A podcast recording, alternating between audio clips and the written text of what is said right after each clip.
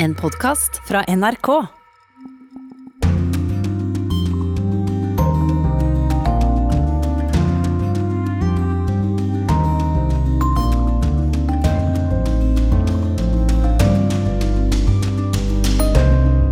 Mange går til valg de neste dagene. Vi skal til Brasil, Danmark, USA og Israel. Hvem vinner, hvem taper, og hvorfor? Følg med. En fyldig Ukraina-pakke blir det også, før brevet fra Beijing. Hvor lenge kan kineserne holde på med koronarestriksjonene? Dette er Urix på lørdag. Jeg er Halvard Sandberg. Vi begynner i Brasil, for i morgen skjer det som folk har ventet på i månedsvis. Valget av den som skal lede landet de neste fire årene. Det er to menn det står mellom, Lula da Silva og Jair Bolsonaro. Førstnevnte leder på målingene, men utfallet er åpent. Arnt Stefansen har fulgt den lange valgkampen og har sendt oss denne reportasjen fra Rio de Janeiro. Han fylte 77 år nå på torsdag, og stemmen er ikke som den var. Men Lula da Silva er full av energi, og han har dette budskapet foran morgendagens valg her i Brasil. Se preparem, porque vai ter muita mudança nesse país. Forbered dere, for det blir store endringer i dette landet. Vi skal sikre dere et verdig liv, sier venstresidens kandidat til velgerne i en fattig bydel i Rio de Janeiro. Og Lulas sterkeste kort er hans innsats som president fra 2003 til 2011.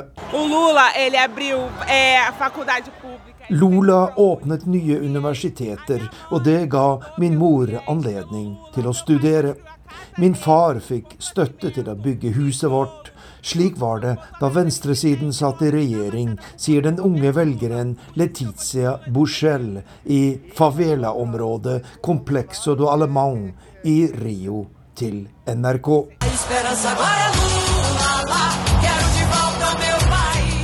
Gjennom hele valgkampen har de aller fleste meningsmålingene spådd seier for Lula da Silva og hans sentrum-venstre-allianse. Det gjør de fortsatt, men ledelsen er blitt knappere og usikkerheten større. Særlig etter at høyresidens kandidat, president Jair Bolsonaro, gjorde det langt bedre enn ventet i den første valgomgangen for fire uker siden. Jair Bolsonaro blir tatt imot av begeistrede tilhengere når han kommer til delstaten Santa Catarina. Her i det sørlige Brasil har presidenten stor støtte, og han vant en klar seier i første valgomgang. De siste to årene har jeg gjentatt mitt budskap. At Gud Fedrelandet, familien og friheten er de viktigste fundamentene for våre liv. Og etter hvert har de aller fleste brasilianere innsett at dette er riktig, sier Bolsonaro. Blant dem som støtter presidenten, er en mann alle brasilianere kjenner. Landets fremste fotballspiller, Neymar. Det er valores que, que o presidente carrega de verdiene som presidenten står for, er de samme som jeg og min familie setter høyt. Det er derfor jeg har bestemt meg for å støtte hans valgkampanje. Jeg mener landet vårt trenger slike verdier, og jeg mener at Bolsonaro er den rette til å lede Brasil, sier fotballstjernen Neymar.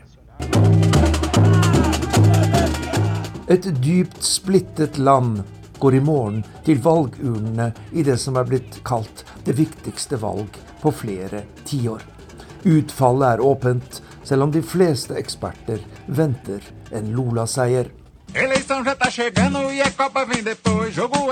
Men spenningen er ikke bare knyttet til resultatet. I lang tid har Jair Bolsonaro kritisert det brasilianske valgsystemet, og under en demonstrasjon på fjorårets nasjonaldag uttalte han følgende. É uma missão que eu tenho. E só Deus me tira daquela cadeira. Jeg har fått et kall, og bare Gud kan fjerne meg fra denne stillingen, sa presidenten. Mange spør seg derfor hva han vil gjøre hvis han taper morgendagens valg. Selv svarer han slik. Eleições limpas serão, devem e têm que ser respeitadas. Et valg som går riktig for seg, bør og må respekteres. Men han vil selv gjøre denne vurderingen, og noe uforbeholdent løfte om å respektere resultatet av morgendagens valg her i Brasil vil han ikke gi. A vida tá melhorando, precisa continuar. Bolsonaro é 22, é nele que eu vou votar. Brasil der altså, nå USA og høstens mest omtalte valg. Mellomvalget om en drøy uke. Valgkampen ser allerede ut til å ha blitt voldelig. Mannen til kongressleder Nancy Pelosi ligger på sykehus med brudd på hjerneskallen. Slag med hammer sørget for det.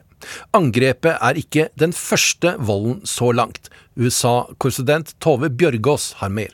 At approximately 2:27 this morning, San Francisco police officers were dispatched to the residence of Speaker Nancy Pelosi. Det var klokka halv tre natt til fredag det skjedde, forteller politimesteren i San Francisco, Bill Scott. Da politiet kom til hjemmet til kongressleder Nancy Pelosi, fant de den 82 år gamle ektemannen hennes Paul i nevekamp med en inntrenger. De to slåss om en hammer. Our officers observed Mr. Pelosi and the suspect both holding a hammer. The suspect pulled the hammer away from Mr. Pelosi and violently assaulted him with it. Den 42 år gamle gjerningsmannen slo deretter Paul Pelosi i hodet med hammeren mens politiet så på. Mannen til USAs tredje mektigste politiker ligger nå på sykehus med brudd på hjerneskallen. Og debatten om hvor voldsutsatte amerikanske politikere egentlig er, er i full gang. I natt bekreftet politiet at gjerningsmannen kom til huset til Pelosi med politisk motiv. Han ville finne kongresslederen som ikke var hjemme. På sosiale medier hadde han spredt flere konspirasjonsteorier om annet valget og stormingen av Kongressen i fjor.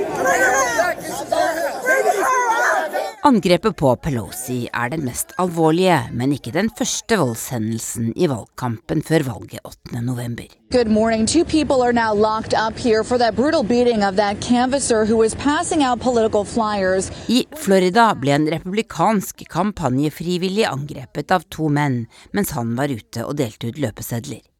Well, I think it's shameful that you're focused on the victim. Mannen drev valgkamp for senator Marco Rubio. Senatoren reagerer sterkt på at mediene fokuserer på at mannen som ble angrepet skal ha sympatisert med hvite nasjonalister tidligere.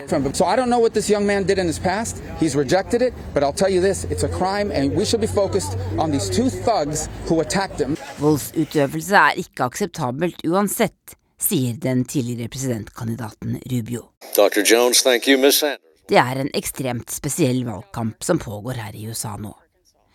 Landet er så splittet at det er som om demokratiske og republikanske velgere befinner seg i ulike politiske galakser, sa en kjent meningsmåler i en brifing jeg hørte på i går. Det som vil avgjøre valget er trolig hvilke velgere som faktisk velger å stemme.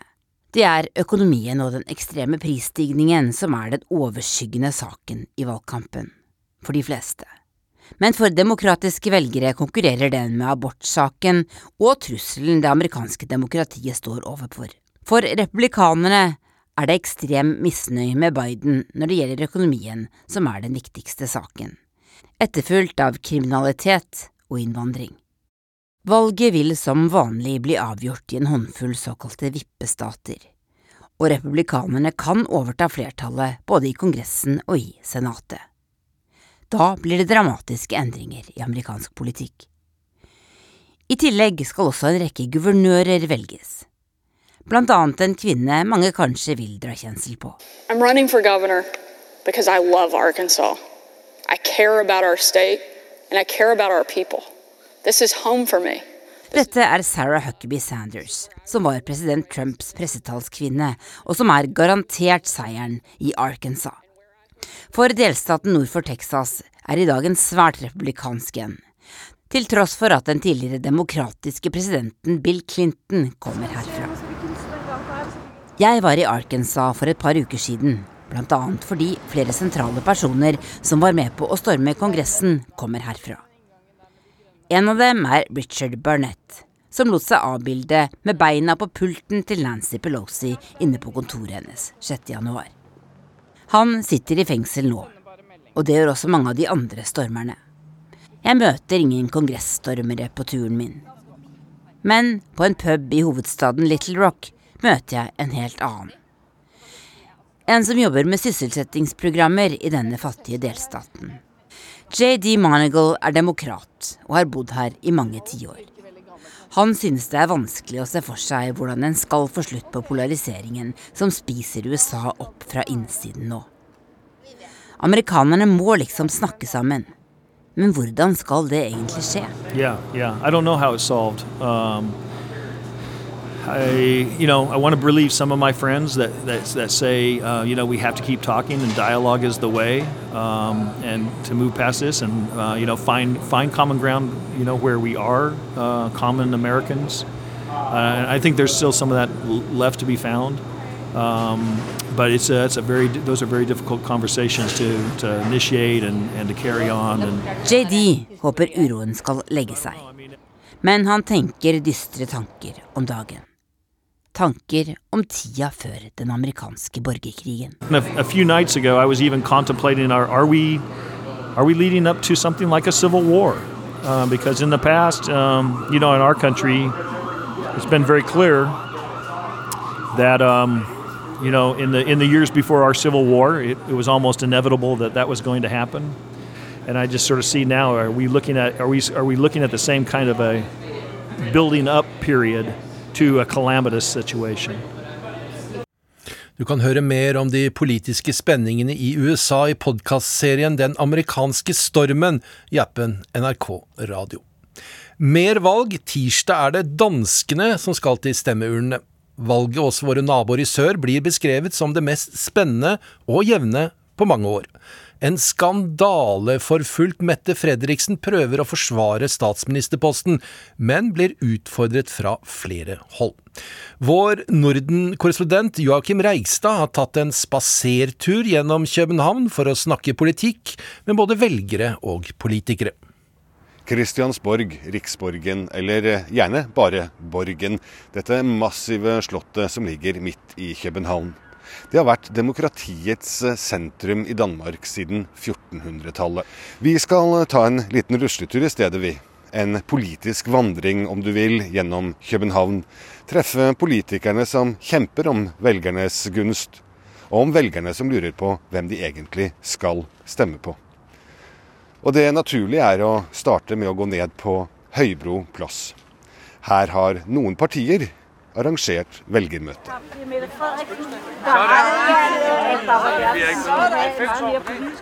En av dem er Pernille Wermund, leder, eller som danskene insisterer på å kalle det, formann for partiet Nye Borgerlige. Jeg er fremfor alt glad for at det nå er forhåpentlig en ende på tre års maktfullkommenhet i statsministeriet. Vi vil gjerne av med Mette Frederiksen, det er det vi kjemper for. Bladene på trærne langs kanalen som går rundt Kristiansborg er i ferd med å skifte farge og falle av. Men er det politiske Danmark i ferd med å skifte farge? Det er mer usikkert. La oss passe på hverandre, sier Mette Fredriksen til meg smilende fra en valgplakat. Kan hun bli gjenvalgt etter alle skandalene og etter at hun nesten var avskrevet for et år siden? Altså, Nå vil jeg jo ikke stemme på henne. Jeg føler litt at det er på tide at det kommer en ny regjering til, og øh, at det skjer noe nytt. Forteller Sofie Rasmussen. Hun har klart det megagodt gjennom hele koronaperioden, og jeg tror ikke at det vil være andre der kunne måske ha gjort det bedre, fordi man handler jo alt efter. Det har vært en presset situasjon lige meget hvad, så jeg tenker hun har handlet efter beste vilkår. ja sentrum av dansk politikk, det er veldig spennende nå. Det er jo to statsministerkandidater på borgerlig side. Eh, Søren Pape Paulsen fra Konservative og Jakob Ellemann Jensen fra Venstre. Men så er det dette partiet Moderaterne, som eh, Lars Løkke Rasmussen, tidligere statsminister for Venstre, har skapt og sagt er et sentrumsparti. Han vil ha en sentrumsregjering, og han kan samarbeide på begge sider av eh, politikken. Jeg håper da vi får et fornuftig godt valg. Jeg har lige sluttet en tur rundt i Danmark. I går var jeg i Skagen, og i dag har jeg været på Bornholm. Og jeg kan da i hvert fall mærke, at der er riktig mange mennesker øh, der gerne vil tale med oss. Ja, og nå mens jeg eh, gikk her, så kom det faktisk en hastemelding fra dansk TV 2 som har en meningsmåling som viser nettopp at eh, Lars Løkke Rasmussen blir kongemeia, som man sier på dansk, eller som vi ville sagt havner på vippen. Og da er jo spørsmålet hvem peker han på? Til høyre eller til venstre, eller kanskje på seg selv? Det er de som ikke helt tør å utelukke at han kan gjøre det også. Nå rusler jeg videre oppover Vestre Vollgate, skal opp til Rådhusplassen og kikke litt på valgplakatene her. Her henger jo f.eks. Pia Olsen Dya, som er leder av Sosialistisk Folkeparti. Hun smiler veldig pent. Og så er det en annen her som heter Peter Sinkernagel fra Radikale Venstre. Han ser veldig glad ut. Det er jo 14 partier da som kjemper om velgernes eh, gunst. Så jeg tenkte å høre med noen eh, dansker eh, hva, hvilke saker som egentlig har blitt avgjørende i denne valgkampen. Det er klima og innvandrerpolitikk. Har du så besluttet deg for parti? Ja, rett mye. Jeg ligger litt imellom to stoler. Jeg tror især det er psykiatrien. Den syns jeg ikke får nok oppmerksomhet. Der syns jeg godt at man kunne gå inn og bidra litt mer, i hvert fall. Og så er jeg ved å utdanne meg til folkeskolelærer, så det er også skolereformen og sånn noe jeg synes er rett viktig. Altså, jeg synes det er blevet en uh, smule uoverskueligt, fordi at uh, mange av partiene de snakker sgu bare hinanden efter munnen for å få flere stemmer, ellers så blir det blevet sådan noget populistisk politikk hvor de ligesom bare fører deres valgkamp efter, hva er mest populært lige nu. Ja, etter en sånn tur så må man ha seg en eh, liten eh, pølsepause, tror jeg. Og jeg har funnet en pølsebod her på Rådhusplassen, så da skal vi i hvert fall bestille upolitisk eh, nå. Eh, må jeg bestille en rød og en blå pølse? En rød og en blå? Vi har kun røde. Ja, men ikke det litt uh, politisk? Nei, det vet jeg sgu ikke riktig. Ok, så tar vi en rød. Det er godt. Takk.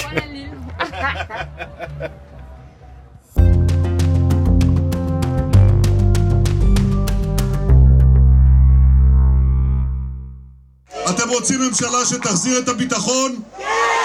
אתם רוצים ממשלה שתחזיר את הכבוד הלאומי? Benjamin Netanyahu stands on a mobile stage, enclosed by a glass wall, pledging through a window to restore law and order. Full of energy, uh, full of, I think, bad blood. He's vengeful and vindictive. En beskrivelse av den israelske politikeren Benjamin Netanyahu der, og valg skal det også bli i Israel. Det skjer på tirsdag. Korrespondent Åse Marit Befring, Benjamin Netanyahu er tilbake. Hvordan er det mulig? Ja, Det er et godt spørsmål. Dette er altså mannen som har sittet lengst som statsminister i Israel. Og han sitter nå på tiltalebenken i en pågående rettssak anklaget for korrupsjon og har mottatt uh, gjenstander, altså bestikkelser, mens han var eh, statsminister. Men selv så kaller han alle disse tiltalene for oppspinn og forfølgelse. Han har drevet en omfattende valgkampanje i sin Bibbi-bil, der han har forsøkt å overbevise velgerne om at det er han som kan bringe sikkerhet og orden tilbake til landet. Eh, og han har jo kritisert den nåværende regjeringen for rot og kaos. Det har vært en storkoalisjon hvis da eneste sak som forente dem, var å holde Netanyahu ute av statsministerkontorene.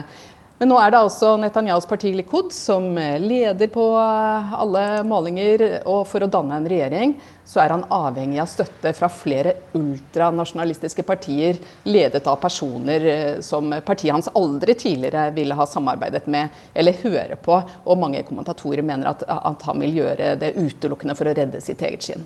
Ja, en av dem er Ben Gevir. Hva kan du si om han?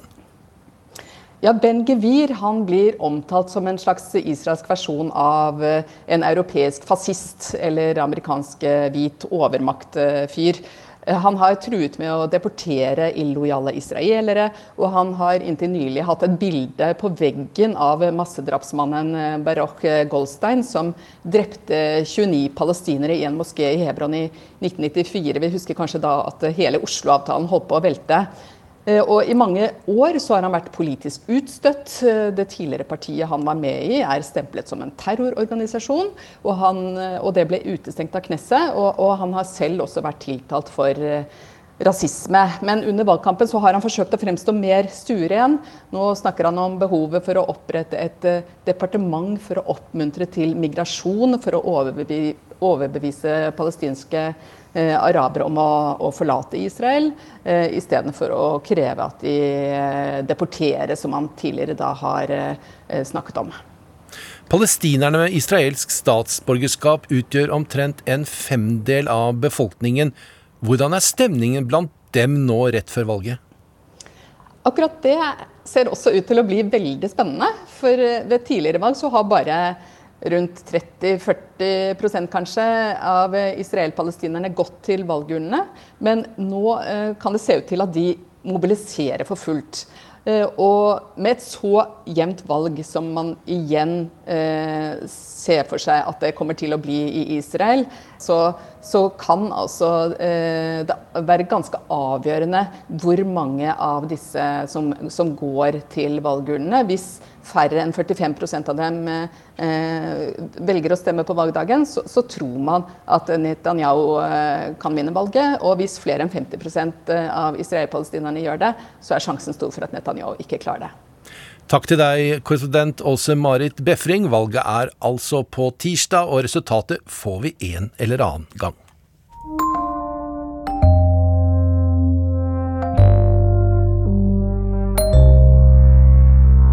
Nå Storbritannia, for den politiske uroen de siste ukene mangler sidestykke i moderne britisk historie. Men mens ledere er skiftet ut i hurtig tempo, er det én statsråd som har blitt værende. Han anses som trygg og stabil, og blir til og med regnet som en mulig arvtaker til Jens Stoltenberg i stillingen som Nato-sjef. Likevel, blant briter flest, er han ikke et velkjent fjes. Do you know him? No. Hun gjenkjenner ikke mannen på bildet vi viser frem. Do you have a clue? No. Men når vi avslører navnet, så ringer det en bitte liten bjelle. Ben Wallace? Yeah, okay. Have you heard the name? Yes. so what have you heard about him, do you know? Uh, oh gosh. No, not much really. No. Sorry. Nei, den britiske forsvarsministeren er ingen kjendis, til tross for at han kan sies å være den statsråden med størst stayerevne i britisk politikk for tiden. Wallis ble forsvarsminister da Boris Johnson ble statsminister sommeren 2019, og har blitt på post gjennom Storbritannias verste politiske storm i moderne tid. Og i politiske kretser er han så høyt ansett at han er vurdert som en mulig kandidat til toppjobben selv. Da Boris Johnson gikk av i sommer, spurte BBC Ben Wallis om han ville ta over. Han avviste ideen da, og støttet i stedet Liz Truss' kandidatur i hennes kamp mot ham som nå er Wallis' nye sjef, Rishi Sunak. Rishi would be a, a, fine member of anybody's cabinet, and they'd be lucky to have him. But, but for me, Liz, Liz is the one that I think will do best by defense of this nation. Sunak er fin å ha i enhver regjering, men Truss er den jeg tror vil forsvare landet best, sa Ben Wallis da. Men da favoritten hans ble tidenes kortest sittende statsminister da hun gikk av denne uka, og det nok en gang var behov for en ny, ble den britiske forsvarsministeren igjen spurt om han ville stille som kandidat.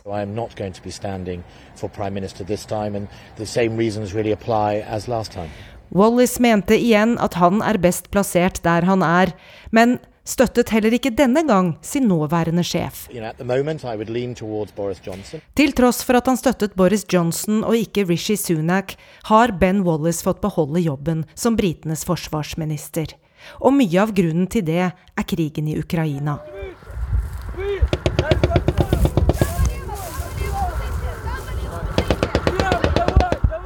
Ukrainske soldater øver på krig på en slette i sørlige England.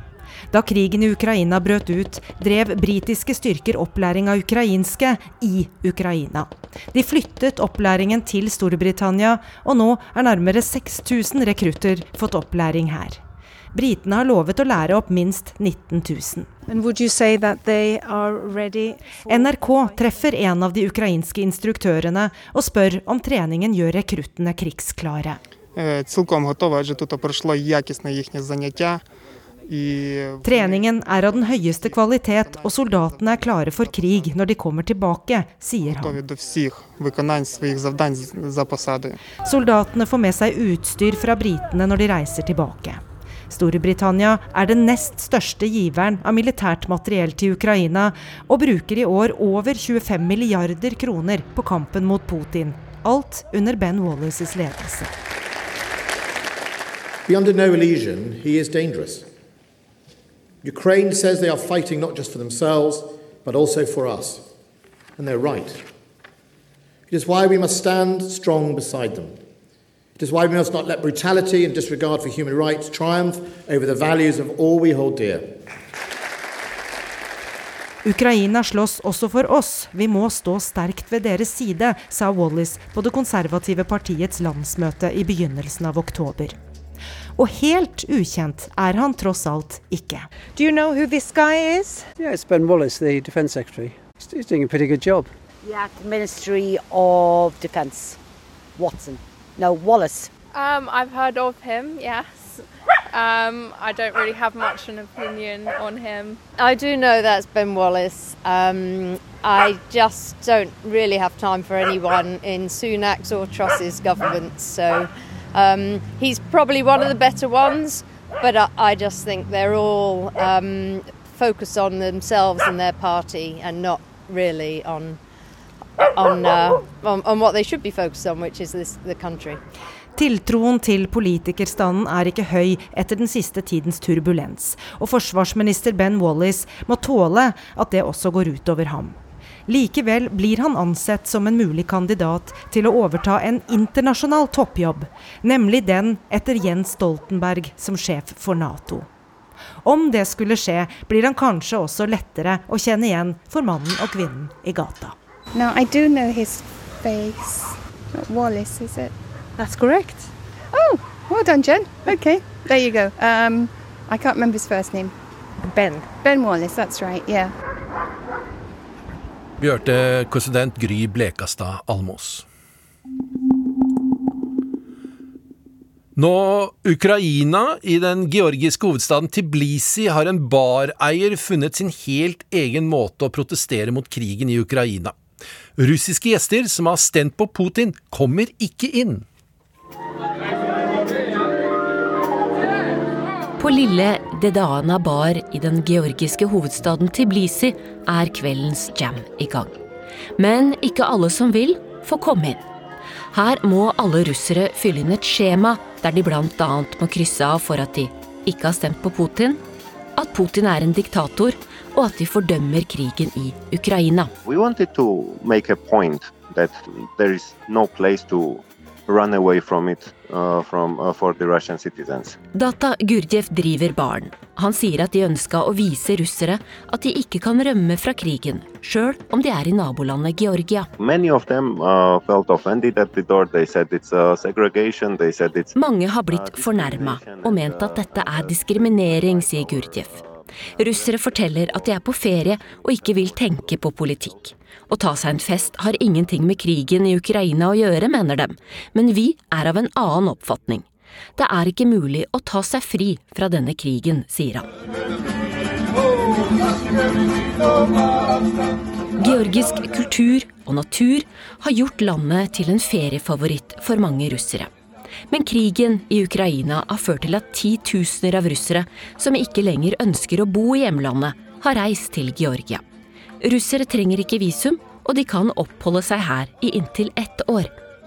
Da president Putin i september erklærte delvis mobilisering, ble det kaos på grenseovergangen.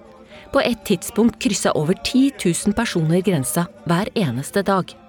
Masseflukten får nå konsekvenser for vanlige georgere, forteller Gurdjev. Like uh, right now, uh, in last six months, rent price in Tbilisi, in the capital of Georgia, went up with 300 percent. Utleieprisene i Tbilisi har gått opp med 300 det siste halvåret. Mange studenter har ikke lenger råd til å bo i hovedstaden. Flere av russerne som kommer, har mye penger, sier han. Men bareieren mener også at den store tilstrømningen kan være en sikkerhetsrisiko for landet. I'm for refugees. I'm just not. I'm just totally against of this like uh, uncontrolled amount of people. Jeg er ikke mot flyktninger, men vi kan ikke fortsette å slippe folk ukontrollert inn. Jeg vet ikke hvem de er, bortsett fra at de er russere, og Russland er i dag en fiendestat, sier Gurjev. Og flere georgiere mener det samme som bareieren. I september ble russere som kryssa grensa, møtt av georgiske demonstranter. Det er bare 14 år siden det brøt ut krig mellom Russland og Georgia. Den endte med at russiske soldater i dag kontrollerer de to utbryterrepublikkene Abkhasia og Sør-Osetia. Det utgjør til sammen 20% av georgisk territorium. Bareieren sier at i dag er en merkelig situasjon der russere i Georgia både er soldater og flyktninger. There, there is no case in the world like this that like uh, citizens of one country can be aggressors and can be victims at the same time. You know, uh, like uh, Russians cannot be like soldiers and refugees at the same time in our country. Gurdjiev sier at han vil fortsette å nekte russere som ikke vil fylle ut skjema, adgang til baren sin. Georgia er kjent for sin gjestfrihet, men når det er krig, er det ingen hyggelig måte å vise motstand på, sier han. We are in the war, and uh, what matters for us is to show our position to everybody. And uh, in the war, unfortunately, there is no beautiful way to show the protest. Reporter her var Kari Skeie. Mangeårige Moskva-korrespondent Hans-Wilhelm Steinfeld, velkommen hit. Takk for det. Da jeg snakket med deg sist for litt over en måned siden, så var du i Stefansminda i Georgia, men på grensen mot Russland. Omtrent 40 km vest for Stepansminda ligger Sør-Osetia, det georgiske området som er okkupert av Russland. Hans Wilhelm, Kommer Georgia nå til å utnytte den svake russiske militære posisjonen og ta tilbake Sør-Osetia og kanskje Abkhasia? Det er en helt motsatt situasjon som råder. Frontlinjen i Sør-Osetia går bare 700 meter fra hovedveien fra den gamle hovedstaden Tsreta nord for Tbilisi til Stalins fødeby Gori. Og det georgierne forteller de som bor i området, det er at det, det, det, kan komme en russisk patrulje og si dere får tid til mat til å flytte herfra. Eh, og så blir de tvunget til det av russerne. Da er du på georgisk territorium, og så bare flytter de piggtrådgjerdet. Så det skjer en permanent annektering av georgisk ubestridt område av russiske militære i disse grensetraktene. Og det er klart at det russiske militære nærværet både i Aprasia og i Sør-Ossetia er betydelig større enn det georgiske, så situasjonen er vel maktpolitisk den stikk motsatte av det du sier.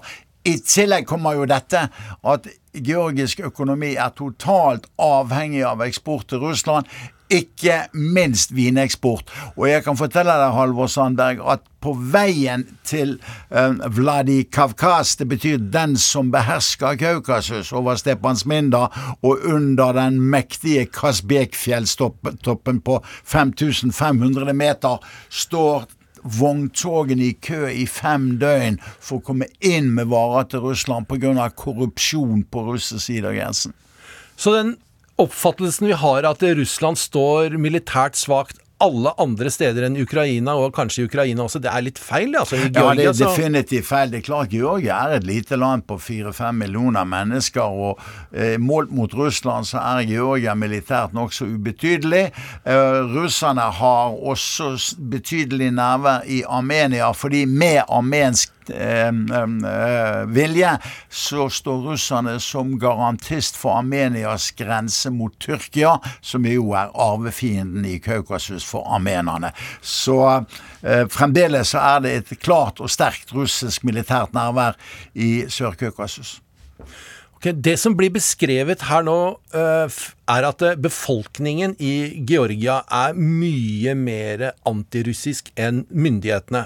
Er det fordi at myndighetene vet om dette militære balansen fortsatt ikke er der? Det er vel så mye økonomien, fordi det var jo Du hadde den veldig omstridte Mikhail Saakashvili som president i Russland. Han begikk jo den kjempetabben at det var han som åpnet ild i 2008 i august mot russerne. Det slår EUs undersøkelseskommisjon fast. Så var det russernes uskjønnsomme militære svar. Men Han ble etterfulgt av Georgias rikeste mann. Han heter Benzina Ivanishvili. Han har en formue som er større enn landets eh, nasjonalprodukt. Han er kongen på haugen fremdeles, men han er en realpolitiker og klarte å gjenåpne det russiske markedet for georgisk økonomi da han ble statsminister. Eh, og det betød veldig mye, og betyr veldig mye. Eh, vi har mye ideale fordringer og en god porsjon eh, naivitet her i Norge. I disse statene så er det ikke reelt mulig å klare seg økonomisk uten det russiske markedet. Takk for det, Hans Ville, men du skal ikke gå, for vi har mer med deg. Først skal vi høre litt lyd her. Откройте бар Дедоена и по- там сделаете форму, которую должны евреи все заполнять. Vi hørte stemmen til den russiske kjendisen Senja Sabchak. Lyden er hentet fra da hun ble avkrevd visa for å slippe inn i baren i Tiblisi, som vi hørte om i innslaget nå nettopp. Denne Sabchak er datter av selveste Anatolij Sabchak. Den tidligere sjefen til Vladimir Putin i St. Petersburg. Datteren Senja er i nyhetene igjen nå, for denne uken flyktet hun fra Russland. Hun ble sist observert gående over grensen til Litauen. I forkant var det åpnet en kriminalsak mot henne. Hans-Wilhelm Steinfeld, hun blir beskrevet som en opposisjonell og en mulig utfordrer til Putin. Er hun det? Hun er nok opposisjonell og kritisk til eh, Vladimir Putin, eh, men hun er ikke eh, mer enn det du sa. Hun er en kjendis, og hun fikk bl.a. konfiskert penger tidligere av russiske myndigheter, men hun fikk medhold i retten og fikk de pengene tilbake. Eh, Så hun kan ikke sammenlignes med sin far, eh, som var den mest populære leder i 1991 etter statskuppet som KGB ledet.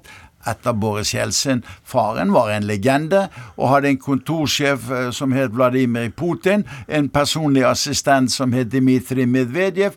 Og da jeg ga ham min bok eh, tilbake til Europa i 1991, så var det Vladimir Putin, kontorsjefen, som serverte oss kaffe. Likevel så tapte denne meget eh, godt likte personen valget i 96, og med det mistet Putin jobben. Det er helt riktig. Og den som strupte valgkampen, det var livvaktsjefen til Boris Jeltsin, eh, som eh, sammen med borgermester eh, i Moskva hadde kontroll med bankene. De kuttet hele pengestrømmen til valgkampen, med det resultat at den hjertesvake Sabtsjak måtte fraktes til Frankrike. Det sørget Putin for. Han levde et par år til, og Vladimir Putin gråt i begravelsen til eh, Ksenia Sabtsjaks pappa, eh, Anatolij Sabtsjak, som hadde vært professor i juss for Putin. Og dette valgnederlaget lærte vel Putin noe av? Ikke bare det. Det førte til at de avsatte borgermesteren i Moskva mange år etter Dmitrij Medvedev for Vladimir Putin eh, avsatte borgermesteren som en tilsvar for det svineriet han begikk i 1996 under valgkampen i St. Petersburg, og han kom aldri tilbake til noen maktposisjon pga. dette. Ok, så Senja Sabchak er ikke noen reell utfordrer til Putin. Er det noen som er en reell utfordrer til Putin? Nei, Putin er jo mer og mer autoritær. Eh, Og i et autoritært regime er det ikke grobunn for kronprinser. Til det er herskeren for redd for palassrevolusjoner. Eh, Dette gjelder ikke bare Russland, dette gjelder alle autoritære eller totalitære regimer. Eh, Husk at Hitler til slutt eh, beordret arrestasjon av Herman Göring. Nei, der er ingen som står klar til å ta over. Og det sosiologiske, mer avanserte svaret er at du har ikke en stratifisering, du har ikke en lagdeling av befolkningen. Du har ikke et bakteppe for et flerpartisystem. I vårt samfunn så har du rasjonelle motsetninger mellom sosiale lag. Det finnes det ikke i Russland.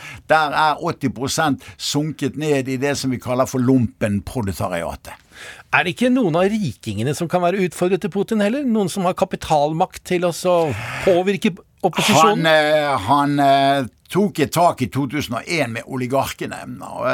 Han skjønte at han ikke kunne renasjonalisere deres formuer. Det kunne betydd borgerkrig, så han hadde et skinkestekforlik som alle tiltrådte, bortsett fra Juko-sjefen Mikhail Khadarkovskij. Og beskjeden fra Putin var behold pengene deres, men hold dere unna politikken ellers. Det har alle, alle, alle disse oligarkene akseptert. De som ikke gjorde det, de måtte dra til eh, vest, og det var Vladimir Gosinskij, Berezovskij, eh, med tiden også Khadarkovskij, mens en mann som eh, Abramovic, Chelsea-eieren, han avfant seg med dette. Så dette rammeverket for borgfred mellom kapital og politikk i Russland har bestått fra 2001. Ok, så ikke rikingene og ikke politikerne. Da sitter vi igjen med folket og kanskje de militære, da? Ja. Min konklusjon på statskuppet i 91 var at når demninger brister, skjer det sjelden i god orden. Men det Putin er fryktelig redd for, er gatedemonstrasjoner. Det så vi på Myrplassen Balotnaja plosjad i Moskva i 2011-2012. Eh, Maidan er jo selve det store spøkelset for Vladimir Putin. Eh, han er veldig mye mer redd for regimeendring nedenfra enn eh, fra sine eh, omgivelser. Og eh, det som er faren, det er jo at styringsresultatet i Russland er så stusslig at det er jo dette som er ledemotivet for Putin helt fra 2013, og som gjorde at han satte ukrainerne inn i rollen som syndebukk for å henlede folks oppmerksomhet fra de stusslige hjemlige vilkår til en ytre fiende, Ukraina. Tusen takk, eh, Hans Wilhelm, og du følger vel dette videre, og skjer det noe med Putin, så skriver du vel en ny bok, kan jeg tenke meg. Ja, det kommer i neste uke. Vi skal ikke gi oss med dette temaet, for den kjente programlederen og Kreml-vennen Anton Krasovskij har blitt tatt av skjermen i den russiske propagandakanalen RT Russia Today. Det ble for hard kost når han oppfordret til drukning av ukrainske barn. Er det tegn på endring i den russiske propagandaen? Прямо вот там, где плыны кача. Вот прям топить этих детей, topить. Drukn de der endene svømmer, få de ukrainske barna til å drukne. Programleder Anton Krasovskij stirrer med et glassaktig blikk inn i kamera mens han fortsetter harangen mot ukrainere. Han oppfordrer til å brenne ukrainere inne, mens ukrainske bestemødre burde betale de russiske soldatene som voldtar dem. Alt dette blir sagt under et forfatterintervju på den russiske TV-kanalen RT, tidligere Russia Today. Fire dager etter at intervjuet ble sendt, fortalte redaktøren Margarita Simonian at hun avslutter samarbeidet med programlederen etter disse grufulle uttalelsene. Krasovskij er en tidligere blogger, også kjent som en forsvarer av homofiles rettigheter i Russland og hendelsen fikk mye oppmerksomhet i Ukraina.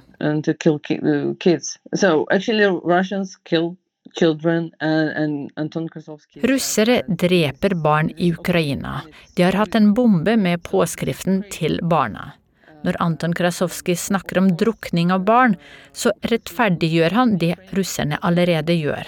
Dette er galskap, sier Katarina Sergetskova, redaktør for ukrainske Zaborona, på telefon fra Kiev.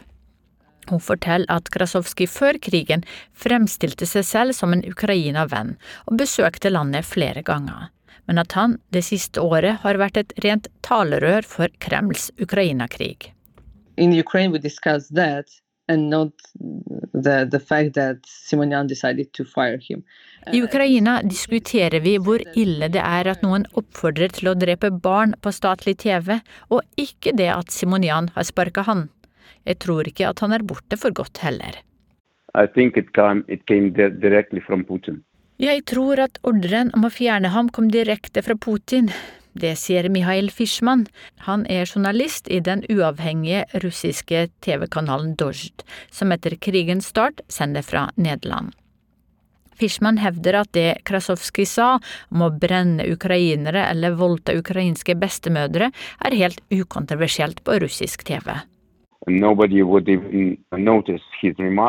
Ingen ville ha reagert på hans utsagn hvis han ikke hadde blitt fjerna fra jobben. Det at han ble suspendert først fire dager etter innslaget ble sendt, og at dette showet i tillegg ble gjort i opptak, sier sitt. Sier den russiske journalisten på telefon fra Amsterdam, hvor han nå jobber. Han mener at Putin kan ha reagert på at det i innslaget ble snakka om å drepe nettopp barn, som han skal være svak for. That uh, Putin. Inna Sangajeva i den norske Helsingforskomiteen har en annen tolkning. Hun mener at Krasovskij ikke har fått med seg at den russiske statspropagandaen har fått en litt annen tone. Nå ønsker man å fremstille Russland som mer moderat. Og det der Krasovskij ikke har fått med seg, at han også må manøvrere slik at hvis man skal overleve i akkurat det der, men han har ikke fått med seg der hvor propaganda begynner å omformulere, eh, også gjennom sine show, at eh, budskapet begynner å endre seg. Men Krasovskij fortsatt å gjenta det som man allerede prøver å ta avstand. Sangajeva tror at flere mennesker kommer til å bli fjernet fra sine stillinger, slik at Putin og ledelsen i det russiske militæret kan fremstå både som moderate og handlekraftige. Jeg tror også dette kommer til å skje ikke bare i medier, politisk også, i militæret i forskjellige steder, hvor man plutselig begynner å ta avstand fra det harde militaristiske til mer moderate. Det er ikke vi, det er han. han det er han som sprer noe hat, ikke vi. Reporter i dette innslaget var Sofia Paskiewicz.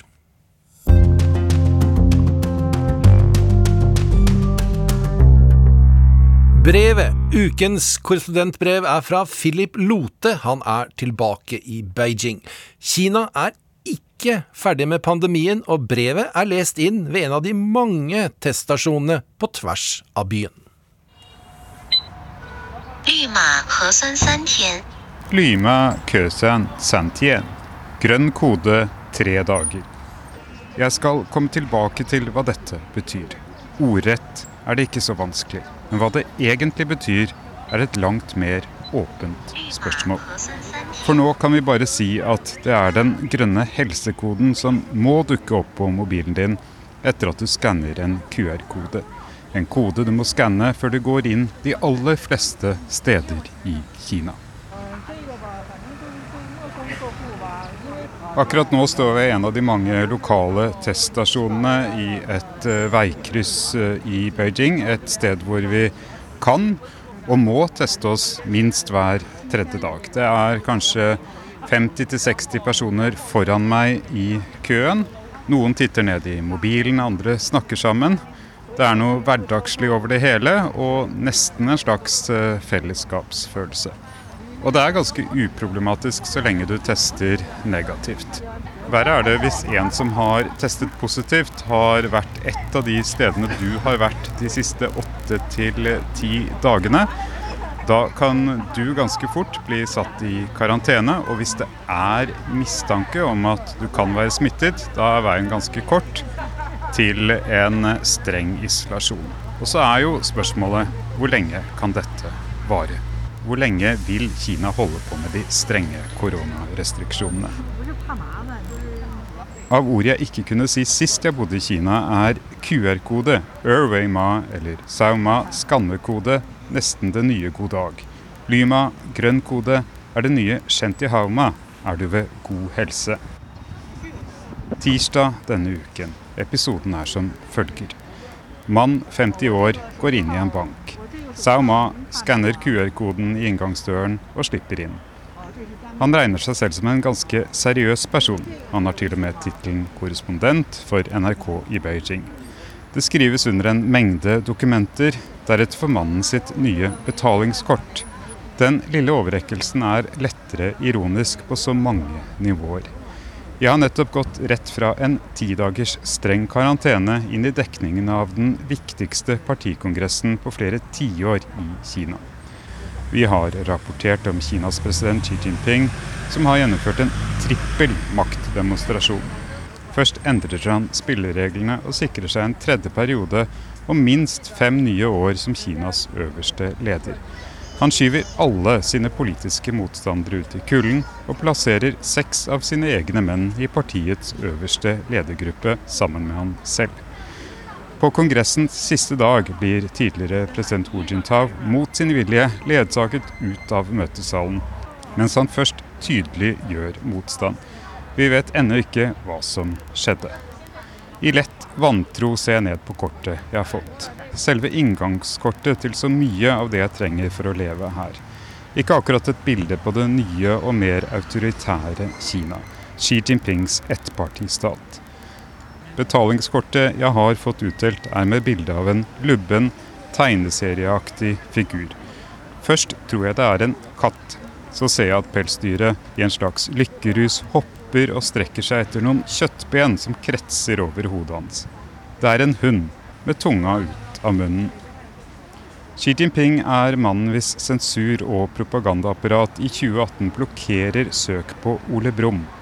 Dette fordi noen så hvordan den honningglade borgeren fra 100-meterskogen lignet på den mektige lederen i Midtens rike. Bilder av Brumm ble brukt for å tulle og drive politisk satire med ski. Kommunistpartiet syns ikke det var morsomt. Mann 50 sliter også litt med selvironien, der han sitter på den ene sida av glasset i en skranke i banken. På den andre siden er en nå litt stresset bankfunksjonær. Jeg har nettopp vist han kortene fra min norske bank som eksempel på hvordan et bankkort skal se ut. Ensfarget, kjedelig og uten en lubben hund. Du kan søke om nytt kort om en uke, sier han. Han vet godt at jeg aldri kommer til å gjøre det. VIPS er mye brukt i Norge. I Kina er de tilsvarende kinesiske digitale plattformene ikke bare mulige løsninger i hverdagen, de er blitt måten du lever på. Det eneste du bruker kortet til, er å legge den inn i apper. Du betaler sjelden noe som helst med kort. Dette er nytt siden forrige gang jeg var korrespondent i mellom 2003 og 2007, og da jeg bodde i Shanghai i 2010. Den gang kunne kinesere ofte kvie seg for å ha bankkort. Folk likte ikke tanken på at noen kunne følge med på hva de gjorde med pengene sine, og mer overordnet hva de gjorde. I dag har de fleste overgitt seg. Alt løses gjennom apper. WeChat, WePay, Alipay, Didi. Få ser seg tilbake så snart de har logget seg inn i Kinas digitaliserte verden. De vet at alt de har gjort, er sett allerede. To dager etter at vi kom til Beijing, tikket en melding inn på telefonen. Jeg trykket på oversetterfunksjonen i meldingen. Ordrett sto det.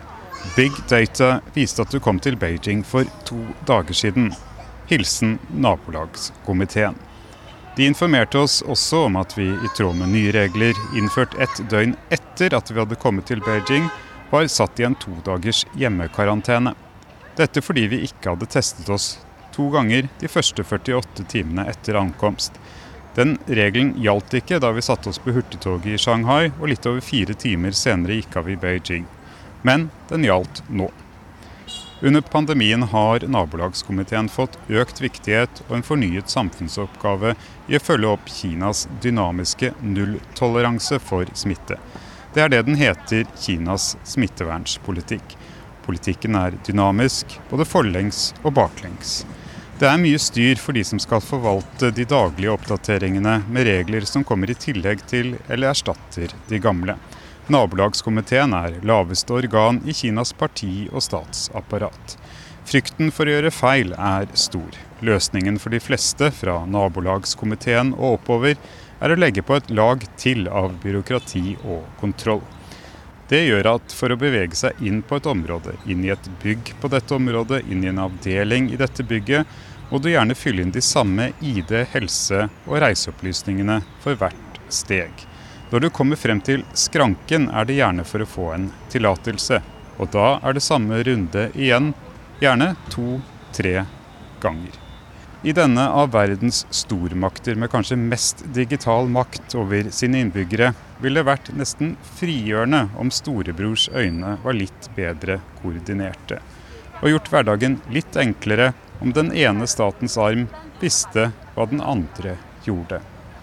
Beskjeden fra nabolagskomiteen er at vi ikke kan gå ut før vi har testet oss to ganger i løpet av 48 timer på en av de offentlige teststasjonene, sånn som den som er her hvor jeg står nå. Det ble litt diskusjon om hvordan vi ikke kunne gå ut og samtidig gå ut for å teste oss. Etter 48 timer, to korte visitter til en teststasjon, får vi vår Luma, grønn helsekode, og kan bevege oss rundt i Beijing. Vanlig? Ja. Min test for de neste tre dagene er unnagjort, men spørsmålet om hvor lenge dette testregimet og smittevernet kan fortsette, er åpent. En tenåringsjente som kan ha dødd i karantene fordi hun ikke fikk hjelp, selv da hun og foreldrene desperat forsøkte å si at hun trengte helsehjelp, er ett av mange eksempler som uroer og splitter befolkningen. Og hvor det er krevende for Kinas sensurapparat å få kontroll over diskusjonene på sosiale medier. I tillegg kommer det at folk går lei. Flere spør om pengene som brukes til dette kunne vært bedre brukt til offentlige helseforsikringer og bygget helsetjenestene i Kina på andre måter. Til slutt kommer spørsmålet hvor folk føler dette ikke lenger bare handler om smittevern. At selv om det kanskje ikke var hensikten fra starten av, er de nå med på et enormt eksperiment i digital overvåkning. Hva Kinas smittevern lærer Beijings øverste ledere, Kinas egne innbyggere og resten av verden om muligheter og begrensninger, vilje til å godta og motstand mot sosial kontroll, er kanskje det egentlige long covid. Langtidseffekten av korona som vi virkelig bør snakke om.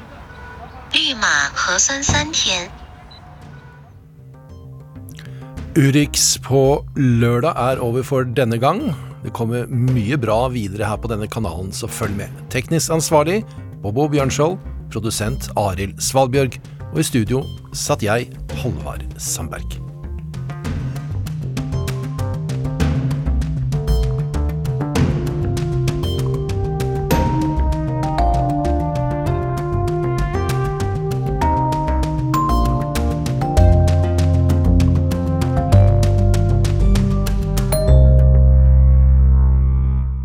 Du har hørt en podkast fra NRK. Hør flere podkaster og din NRK-kanal i appen NRK Radio.